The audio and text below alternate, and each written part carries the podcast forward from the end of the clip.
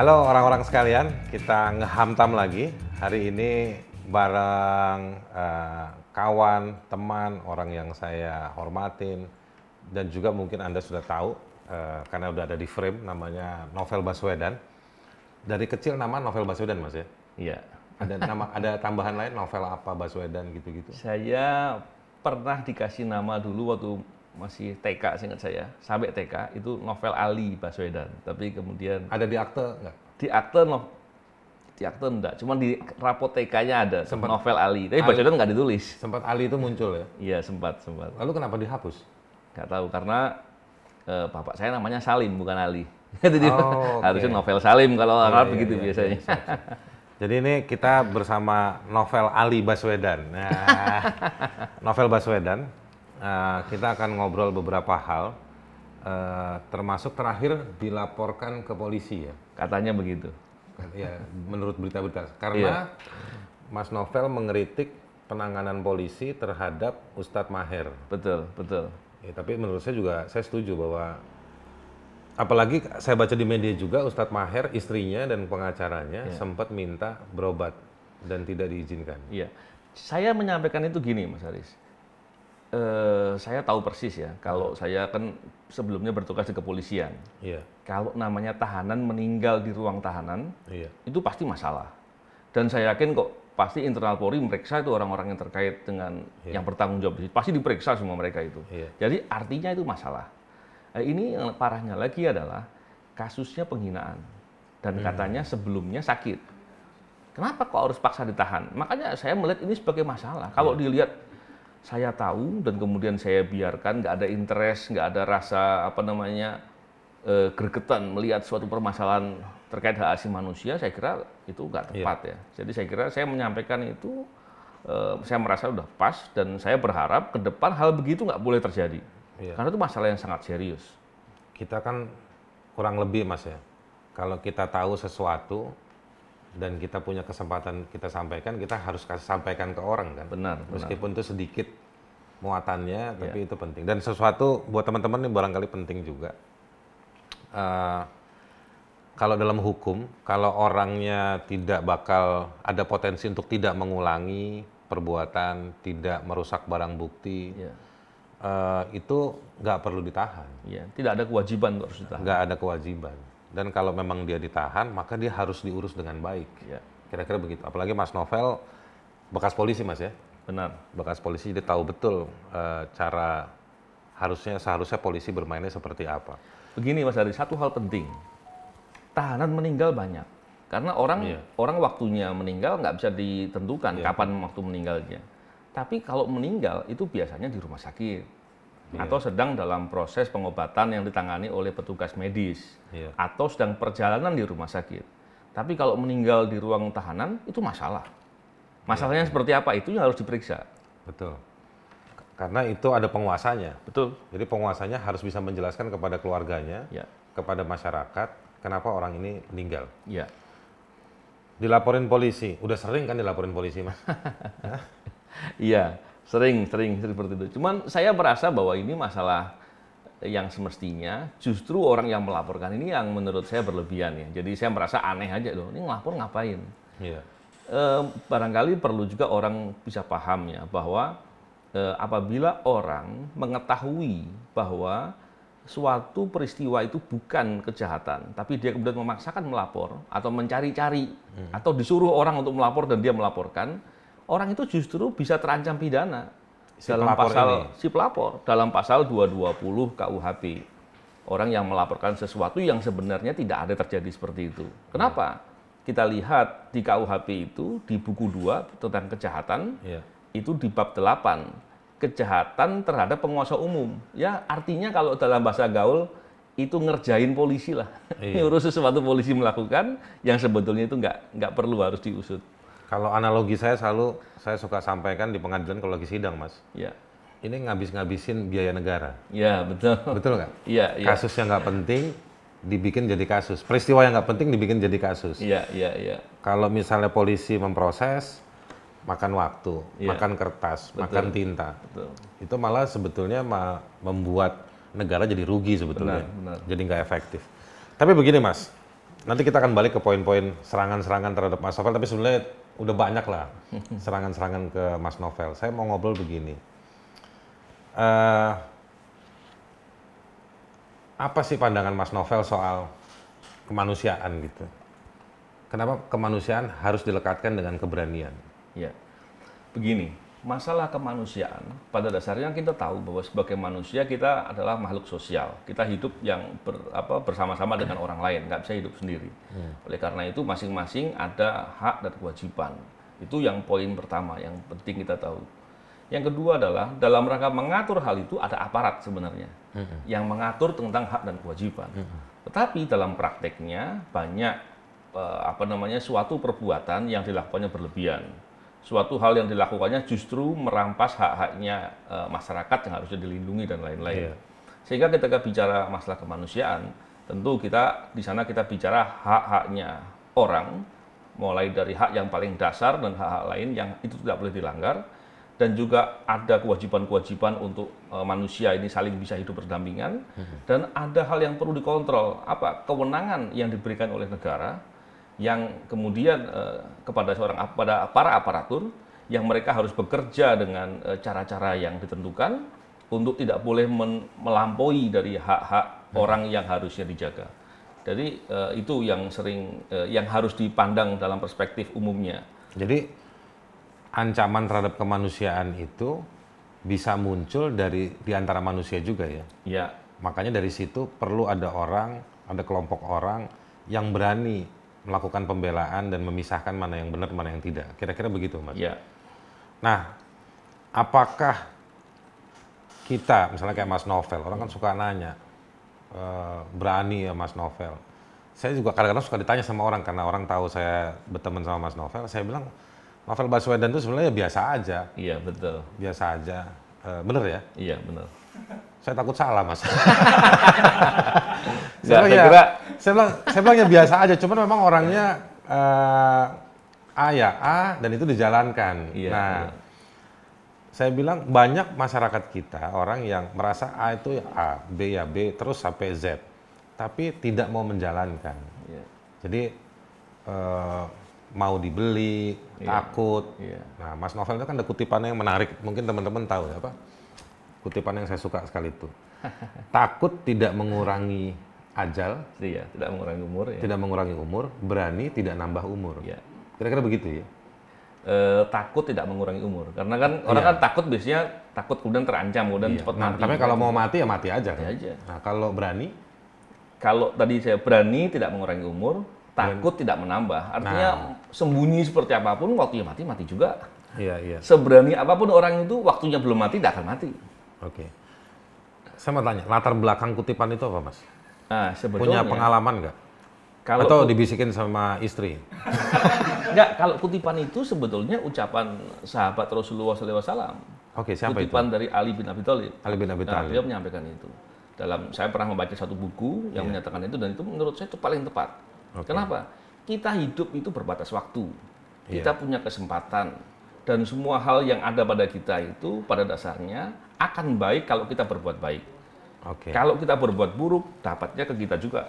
Kalau kita berbuat baik, apa yang dapat eh, kebaikan kepada kita juga. Jadi saya kira kalau kita memilih untuk berlaku yang salah atau diam dengan yang tidak benar, itu kita sedang rugi karena dikasih kesempatan tidak mau ambil. Iya. Nah itu kurang lebih ya, Menarik tuh, dikasih kesempatan nggak mau ambil. nggak mau ambil. Nah ini terkait sama pengalaman-pengalaman Mas Novel nggak? Kalau cerita Mas Novel di di KPK lumayan sudah banyak orang mengikuti. Paling nggak buat saya sendiri dari tahun 2012 gitu. Iya iya. Tapi saya ingat Mas Novel pernah cerita sama saya, Mas Novel itu sendiri pernah hampir kehilangan nyawa ya. Sebelumnya, bener nggak tuh? Hampir ketembak atau apa waktu Iya itu? pernah beberapa kali. Berapa kali ya? Dicari nggak Mas siapa yang nembak waktu itu? Saya pernah bertugas di eh, catatan ras di kepolisian di bidang eh, kejahatan kekerasan. Saya pernah di tempat operasi dan lain-lain. Tapi di sana saya punya banyak pengalaman yang di sana saya bisa melihat bagaimana keadaan orang yang menjadi korban pelanggaran hak asasi manusia, Iya. menjadi orang eh, menjadi orang yang kemudian hak-haknya menjadi apa namanya terampas gara-gara perbuatan orang ataupun perilaku aparat dan lain-lain. Di situ yang membuat saya menjadi belajar Dan kesempatan yang saya punya, saya pakai untuk berbuat sebaik-baik dan sebesar mungkin saya bisa lakukan. Iya, iya. Saya banyak orang melihat Mas Novel ini dimusuhin polisi atau memusuhi polisi. Tapi saya percaya dan saya yakin Mas Novel juga percaya. Soalnya polisi banyak yang baik juga kan, Mas? Benar. Jadi kalau saya dibilang e, dimusuhi polisi enggak juga. Saya memusuhi polisi enggak juga. Iya. Tapi polisi kan di sana juga ada oknumnya. Oknumnya berlaku macam-macam. Ada yang mencari keuntungan dengan cara apa pun ya, dengan kewenangannya diperjualbelikan atau diperlakukan Iya. apa pun. Pasti dong ketika eh, apa namanya ada petugas anti korupsi yang sedang mau melakukan tindakan, pasti mereka akan nggak suka. Sama halnya seperti polisi kalau ditanya, kira-kira menurut eh, maling polisi itu disukai nggak? Pasti nggak disukai. Iya, iya, Pasti maling akan ditangkap sama polisi. Jadi pada dasarnya Secara dengan- konsep ya, dalam secara konsep, konsep, iya. kita akan begitu pastinya. Jadi kalau kemudian eh, polisi ingin di, di, di apa dicintai oleh maling, saya kira salah dia, kan gitu. Jadi dengan persepsi begitu, Meskipun dengan ada ya kejadiannya. berarti polisi nggak benar, tidak mau menangkap maling beneran. Iya. Eh, kalau dia bekerja benar pasti dimusuhi. Jadi ketika dengan konsep begitu, pada dasarnya kita punya pilihan, kita mau ber- ber- berbuat baik atau berbuat jahat. Kalau berbuat baik pasti dimusuhi orang jahat.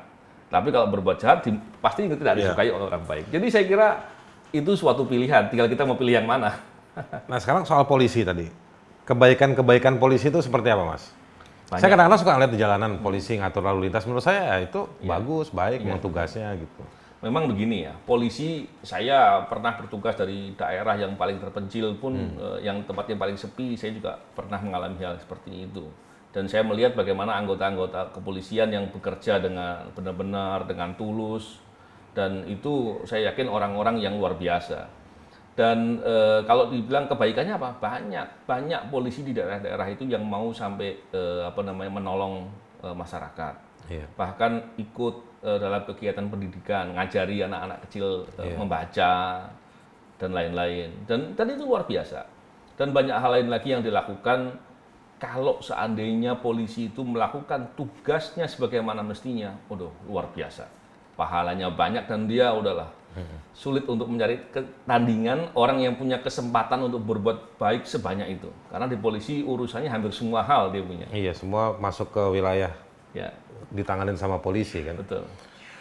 Mas Novel pernah dengar cerita ya di Georgia polisi dibubarin sesaat Hmm. dan ketika dibubarkan angka kejahatan malah Turun. malah turun. Tapi habis itu di, diperbaiki polisinya. Iya. Salah satu bentuknya itu polisi kantor-kantornya dibikin transparan, Oh, jadi lebih terbuka. iya. Tapi saya tanya sama teman saya waktu di Georgia itu, dia bilang kita jadi aman justru di saat-saat itu dan ketika dire- direformasi eh, tambah aman lagi.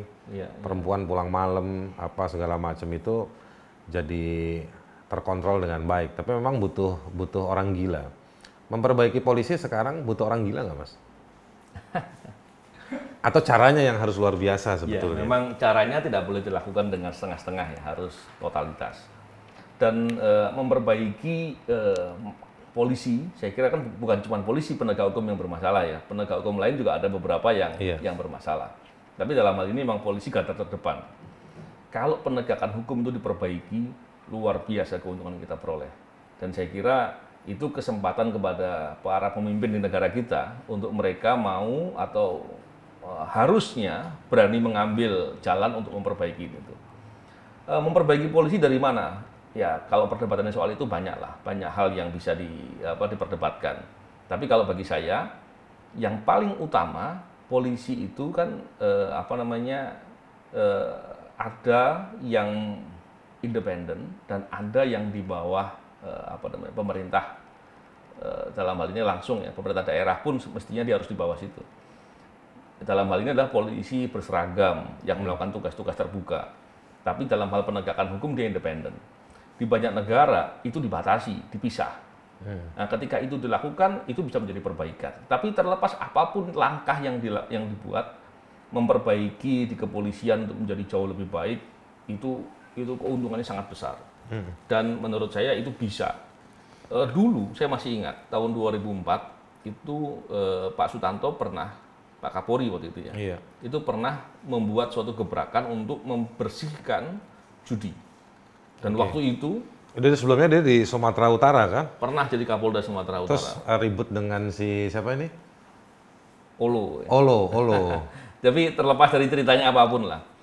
Dulu orang bilang nggak mungkin bisa diperbaiki, bisa dibenahi karena dan banyak hal lah ceritanya. Mulai dari anggaran Polri dan segala macam yang kurang dan lain-lain. Tapi kemudian ketika eh, Pak Tanto membuat kebijakan dengan tegas memperbaiki itu luar biasa. Dampaknya besar ya? Dampaknya besar sekali. Dulu saya paham betul bagaimana saya melihat sendiri orang-orang eh, masyarakat yang bekerja di, di ekonomi lemah, yang bekerja kasar, dia dapat eh, penghasilan harian, eh, sore dia eh, ikut dalam praktek judi, permainan judi apa pun, kan banyak judi waktu itu. Duitnya habis, nggak bawa Duitnya apa-apa ke habis nggak bawa apa-apa pulang ribut sama keluarganya, artinya masalah sosial, kriminalitas dan lain-lain. Tapi ketika itu dibuat, wah luar biasa. Dan hal-hal demikian harusnya menjadi contoh ya, apa yang harus bisa dilakukan. Kalau polisi jadi benar, Mas Novel, menurut Mas Novel, dalam keyakinan Mas Novel, imajinasi Mas Novel, seberapa besar dia berkontribusi buat pemerintahan itu jadi baik juga? Menurut saya sangat besar. Karena kalau kita bicara masalah eh, polisi, bicara masalah penegakan hukum, bicara masalah menjaga keamanan dan ketertiban dan lain-lain. Kalau bicara penegakan hukum, kita bisa lihat kebijakan apa pun yang dilakukan oleh pemerintah ketika dilakukan, diimplementasikan, sedangkan penegakan hukumnya nggak beres atau bermasalah atau bisa dijual belikan, maka kebijakan itu nggak akan efektif. Orang akan bisa ambil jalan lain yang menguntungkan. Iya. Nah, ketika itu yang terjadi, kebijakan pemerintah akan bisa berjalan. Nah, tapi ketika hal itu bisa diupayakan, luar biasa. Itu dari sisi eh, apa? Bagaimana pe- apa namanya pembangunan berjalan.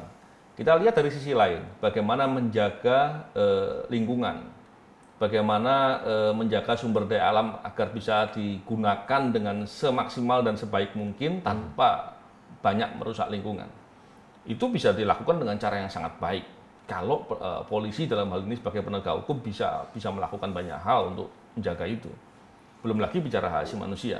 Iya. Berapa banyak permasalahan hak asasi manusia akan bisa dibereskan kalau penegakan hukumnya beres. Bisa dicegah pelanggaran-pelanggaran. Bisa dicegah, kalaupun sudah terjadi bisa dibereskan. Jadi artinya kepercayaan publik membaik, meningkat, Betul. negara eh, apa namanya tata kelolanya berjalan dengan baik. Iya. Dari sisi ekonomi juga justru menguntungkan buat negara. Nah, Jadi sebenarnya kontribusi kalau polisi ini menjadi baik itu besar sekali. sangat besar. Pertanyaan saya kemudian dengan Listio Sigit, apa pesan Mas Novel? Dan di, di satu sisi, Iya. Listio ini juga sangat dipercaya oleh Jokowi kan. Iya, iya. Itu kan bisa jadi keuntungan, bisa jadi Iya. eh, merugikan juga. Betul, betul. Memang begini, saya tahu betul beliau senior saya Iya. dan saya tahu betul beliau adalah orang yang baik. Iya. Secara pribadi beliau orang baik. Banyak hal yang menjadi problematika untuk orang bisa berbuat baik. Iya. Selain dari keberanian, tapi mesti ada hitung-hitungannya juga gitu ya. Beliau kan- Tekanan-tekanan juga Ya, pasti pasti ada di akan dia. banyak hal seperti itu. Tapi saya pikir terlepas apa pun, kita perlu memberikan dukungan yang yang serius. Kesempatan harus dikasih lah ya. Kesempatan diberikan. Semoga dengan waktu yang ada, beliau bisa mengambil langkah-langkah untuk melakukan perbaikan. Hmm. Dan banyak kesempatan yang bisa dilakukan. Dan itu berkorelasi dengan keberhasilan pemerintah.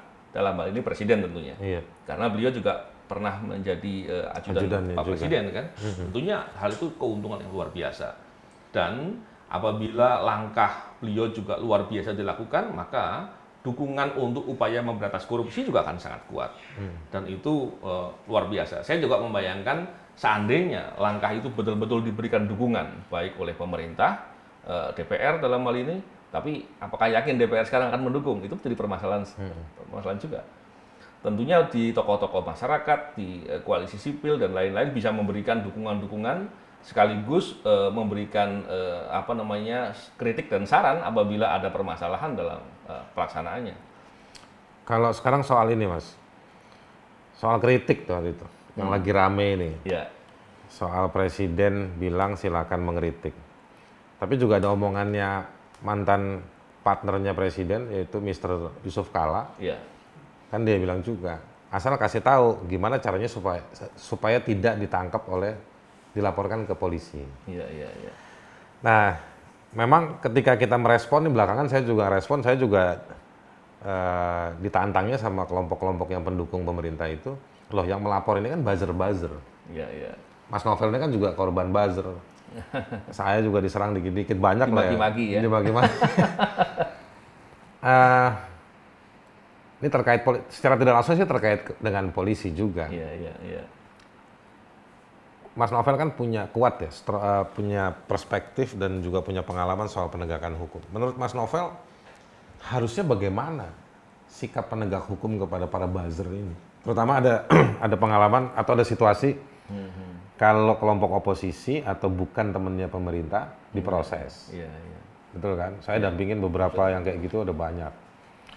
Kalau misalnya eh, mengerit- mengkritik kebijakan pemerintah diproses juga.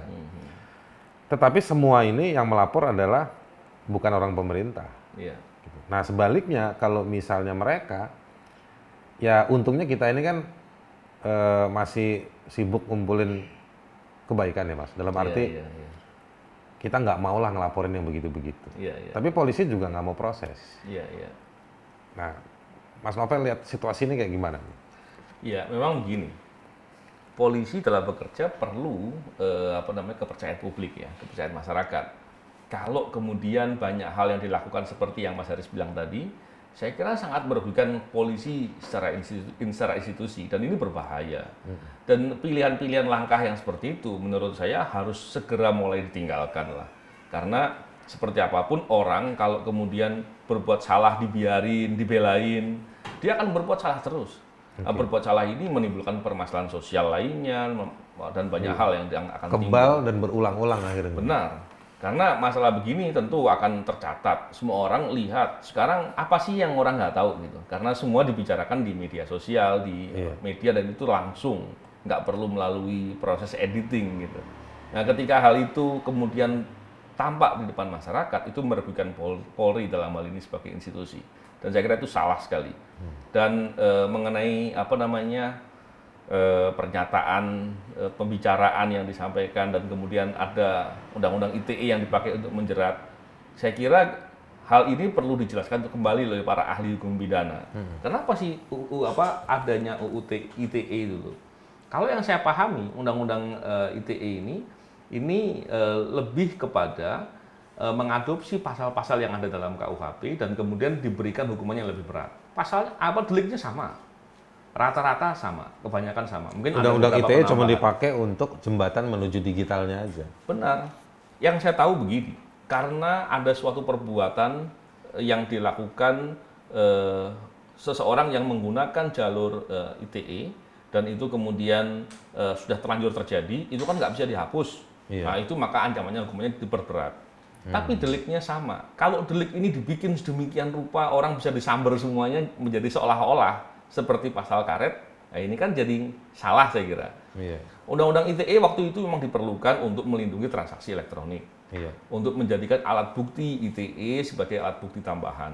Iya. Jadi saya kira perspektifnya mesti jelas. Tapi kalau kemudian justru dipakai untuk hal-hal yang tidak tepat, saya kira itu jadi permasalahannya semakin banyak. Seperti sekarang ini, ini orang malah khawatir undang ITE, padahal nggak seperti itu juga gitu. Jadi penggunaannya yang berlebihan. Ya, menurut saya tidak pada tempatnya. Oke mas, terakhir soal korupsi. KPK dilemahkan undang-undangnya. Iya. Eh, eh, saya mau ngomong tapi nggak enak.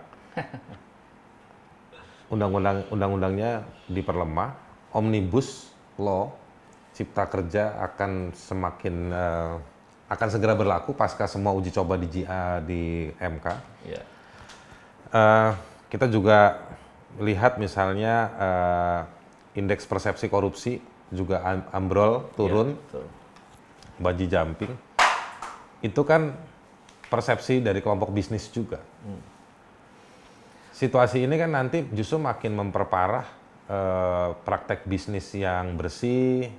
Eh, kita kan nggak bisa nolak bisnis, bisnis Ya. oke, itu roda ekonomi. Tetapi kalau yang masuk dan bekerja adalah bisnis-bisnis yang kotor, eh, sementara KPK-nya dan para penegak hukumnya gagal, Hmm. apa yang Mas Novel khawatirkan ke depan ini? Ya.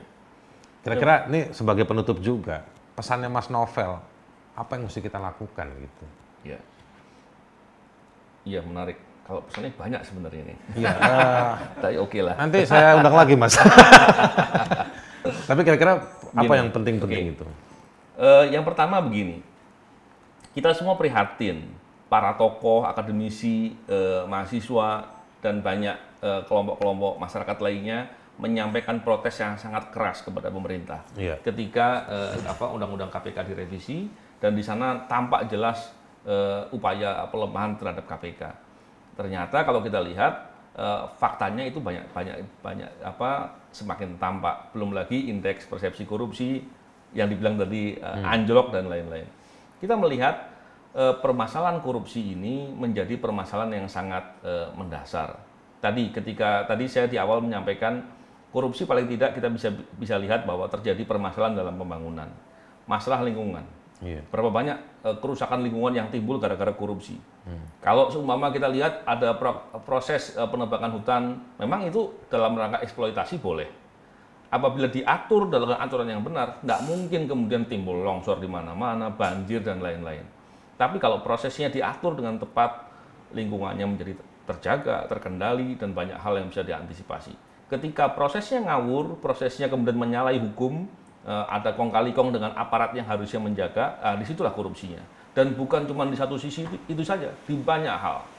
Belum lagi permasalahan hak asasi manusia. Jadi kalau kita lihat betapa luar biasanya problem itu. Nah, kalau tadi ditanya, apa yang bisa dilakukan eh, sekarang ini? Eh, dalam banyak kesempatan saya katakan, memperbaiki segala problematika ini, menurut saya dua hal penting yang harus dijaga oleh pemerintah. Yang pertama adalah penegakan hukum diperbaiki, Oke. aparat penegak hukumnya diperbaiki. Kalau semua gajinya mau diperbesarkan, diperbesar Oke. diberikan hak-haknya yang yang benar, tapi mereka juga harus punya tanggung jawab. Mereka juga harus diberikan sanksi yang ketat dan diberikan pengawasan yang ketat. Kewenangannya jangan diberikan yang berlebihan. Eh, yang kedua, ketika dilihat dari tadi memperbaiki institusinya, dalam implementasinya mesti harus diberikan pengawasan yang kuat. Ketika penegakan hukum itu diberikan eh, prioritas oleh negara untuk diperbaiki, itu efeknya besar sekali. Selain itu, masalah upaya memberantas korupsi ini dilakukan dengan sungguh-sungguh. Ketika sekarang kita lihat KPK-nya dilemahkan. Dilemahkan sudah banyak hal yang sekarang juga sedang dilakukan uji di MK. Iya. Pertanyaannya adalah setelah KPK-nya dilemahkan, terus negara mau pakai apa untuk memberantas korupsi? Itu menjadi pertanyaan. Iya. Apakah terus memang memberantas korupsi diliburkan dulu? Iya, atau ya udah deh kita slow dulu deh, jangan buru-buru ganggu eh, pembangunan atau ekonomi. Menurut saya salah dan persepsi yang disampaikan tadi Mas Haris tepat sekali. Karena pada dasarnya kalau ada yang mengatakan bahwa upaya memberantas korupsi membuat takut investor, saya kira salah. Enggak. Hanya investor hitam atau investor yang Kotor. kotor yang yang eh, tidak mengikuti eh, good governance. Mereka lah yang takut untuk eh, berinvestasi apabila upaya apa memberantas korupsinya baik. Tapi sebaliknya, ketika korupsinya banyak, investor yang benar-benar ingin bekerja dengan baik, ingin Justru kabur ya. itu akan kabur. Dia nggak ada kepastian di sana. Nah, ini yang merugikan sekali. Jadi kalau kemudian dilihat untuk mengambil keuntungan sesaat, ya tadi investor kotor yang mungkin yang diambil. Tapi kalau investor apa untuk memandang jauh ke depan untuk penguatan negara, untuk kelangsungan yang berkepanjangan, maka kita harus ambil investor yang bersih, yang betul-betul menjaga kepentingan negara, kepentingan lingkungan, hak asasi manusia. Dan ini hal yang sangat penting menurut saya. Dan itu semua akan eh, saling dijaga apabila penegakan hukumnya berjalan baik dan upaya memberantas korupsinya bisa berlangsung dengan semestinya. Dan itu poin yang paling penting menurut saya. Oke. Mas, ini terakhir nih, bener. Mumpung belum ajan maghrib, ini kita udah mau udah mau maghrib soalnya. Satu buat anak-anak muda, ini kita lagi bonus demografi, banyak anak muda umur 20, 25 sampai umur 40 ini banyak. Ya. Umur-umuran saya semua lah mas, kira-kira gitu. Eh, mereka lagi mereka lagi punya banyak pertanyaan, mereka lagi banyak bergerak, tapi mereka juga mungkin butuh kita jadikan teman juga kan, Iya, iya. atau mungkin kita juga perlu komunikasi dengan mereka. Sementara di kampus mereka juga banyak diserang eh, oleh administrasi, oleh kebijakan-kebijakan kampus, apalagi di zaman pandemi seperti ini. Iya. Mas Novel punya catatan khusus nggak buat anak-anak muda yang banyak bergerak. Mereka juga bergerak ketika undang-undang KPK itu mau disahkan, undang-undang omnibus, kira-kira begitu. Oke, saya dua hal yang ingin saya sampaikan. Iya. Yang pertama adalah eh, kita tahu namanya anak muda itu sedang masa dia belajar, membangun, eh, berupaya untuk berbuat sesuatu. Yang pertama ini harus paham bahwa ketika kita melakukan sesuatu untuk kepentingan orang banyak, untuk kepentingan kebaikan, pada dasarnya kita sedang mendidik karakter diri kita untuk menjadi karakter yang kuat, yang hebat, dan itu pada dasarnya yang untung adalah diri kita sendiri yang berbuat. Nah, ketika kita kemudian apatis atau tidak peduli, hanya memikirkan diri sendiri, maka tidak pernah ada orang yang kemudian eh, sukses menjadi orang hebat, eh, menjadi orang yang kuat, hanya dengan memikirkan diri sendiri. Tidak pernah. Semuanya pasti dengan kekuatan dia mau memikirkan orang lain, mau apa namanya eh, berbuat atau memperjuangkan suatu kebenaran, kebaikan, dan itu dilakukan dengan koridor aturan-aturan hukum tentunya. Tapi eh, saya saya tekankan lagi bahwa segala kesusahan pun yang ditimbulkan karena itu tidaklah terus kemudian membuat kita akan hancur Iya. membuat kita kemudian akan rugi sepanjang kita tetap konsisten, kita tetap berbuat dengan cara-cara yang tepat dan benar. Yang ada kita membuat diri kita menjadi lebih baik dan lebih kuat. Poin yang kedua, saya ingin ingatkan juga kepada kawan-kawan atau adik-adik yang sudah mulai em, apa mau peduli, mau berbuat untuk sesuatu, berprestasi dan banyak hal yang dilakukan. Pahamilah bahwa ketika kita melakukan sesuatu, jangan kita risau karena kita sedang dicela atau dihina. Karena pada dasarnya celaan yang atau hinaan yang dilakukan yang disampaikan itu tidak membuat diri kita menjadi hina. Iya. Justru Kita nambah pahala lagi. kita dapat pahala, store pahala orang itu. Iya. Eh, sebaliknya juga, kalau kita sedang berbuat sesuatu, nggak perlu kita harus minta untuk dipuji. Karena pada dasarnya kebaikan yang kita lakukan pasti akan kembali kepada diri kita. Nah, kalau dua hal tadi dijadikan acuan, itu akan menjadi kekuatan yang besar kepada diri kita bahwa berbuat baik itu keperluan kita. Peduli dengan kepentingan orang banyak itu keperluan kita. Yang kalau kita begitu maka kita akan bisa berlomba-lomba untuk saling eh, apa namanya memberikan dukungan, menguatkan untuk selalu berbuat baik dan selalu menjaga bahwa kepentingan untuk menjadi baik, menjadi konsisten adalah keperluan kita dan itu modal besar untuk kesuksesan. Makasih Mas. Sip. Sama-sama. Mas masih Aris. banyak poinnya, tapi tapi dua aja. Ah, Orang-orang sekalian jadi begini. Ada banyak pesan, poin atau gagasan, eh, pikiran, eh, cerita pengalaman dari Mas Novel dari obrolan singkat ini. Tapi yang mau saya sampaikan begini, Anda bisa lihat ekspresi Mas Novel. Semangat dari menit detik pertama sampai saya mau tutup ini masih semangat. Anda boleh cek siapa seorang Novel Baswedan. Diserang kiri kanan, atas bawah, depan belakang. Ya kan. Tetapi justru itu adalah pilihan Mas Novel untuk membangun diri bersama orang lain. Tadi pesan yang terakhirnya itu. Kebaikannya dia, kebaikan Anda, kalau lingkungan sekitar dapat perhatian dari Anda. Anda bertanggung jawab sama orang di sebelah, dengan tetangga dan lain-lain. Dengan itu, itu adalah eh, pukulan balik kebaikan yang akan datang kepada Anda. Dan resiko itu pasti ada. Diam ada resikonya, obesitas maksudnya. Eh, bergerak juga ada resiko. Jadi teman-teman sekalian, eh, saya tidak ada kesimpulan. Saya cuma mau mengatakan bahwa apa yang dilakukan oleh Novel Baswedan itu juga bisa dilakukan oleh setiap manusia. Itu cuma soal pilihan Anda mau menjadi lebih baik atau tidak. Mas Novel terima kasih banyak Sama-sama. udah datang di acara Ngehamtam. Kita akan ketemu di Ngehamtam berikutnya. Kasih saya kesempatan untuk lebih serius dengan akun YouTube Haris Azhar Channel. Komunitas Cendol Production membantu saya untuk memproduksi, ya kan? Supaya tiap dua hari bisa ada video baru.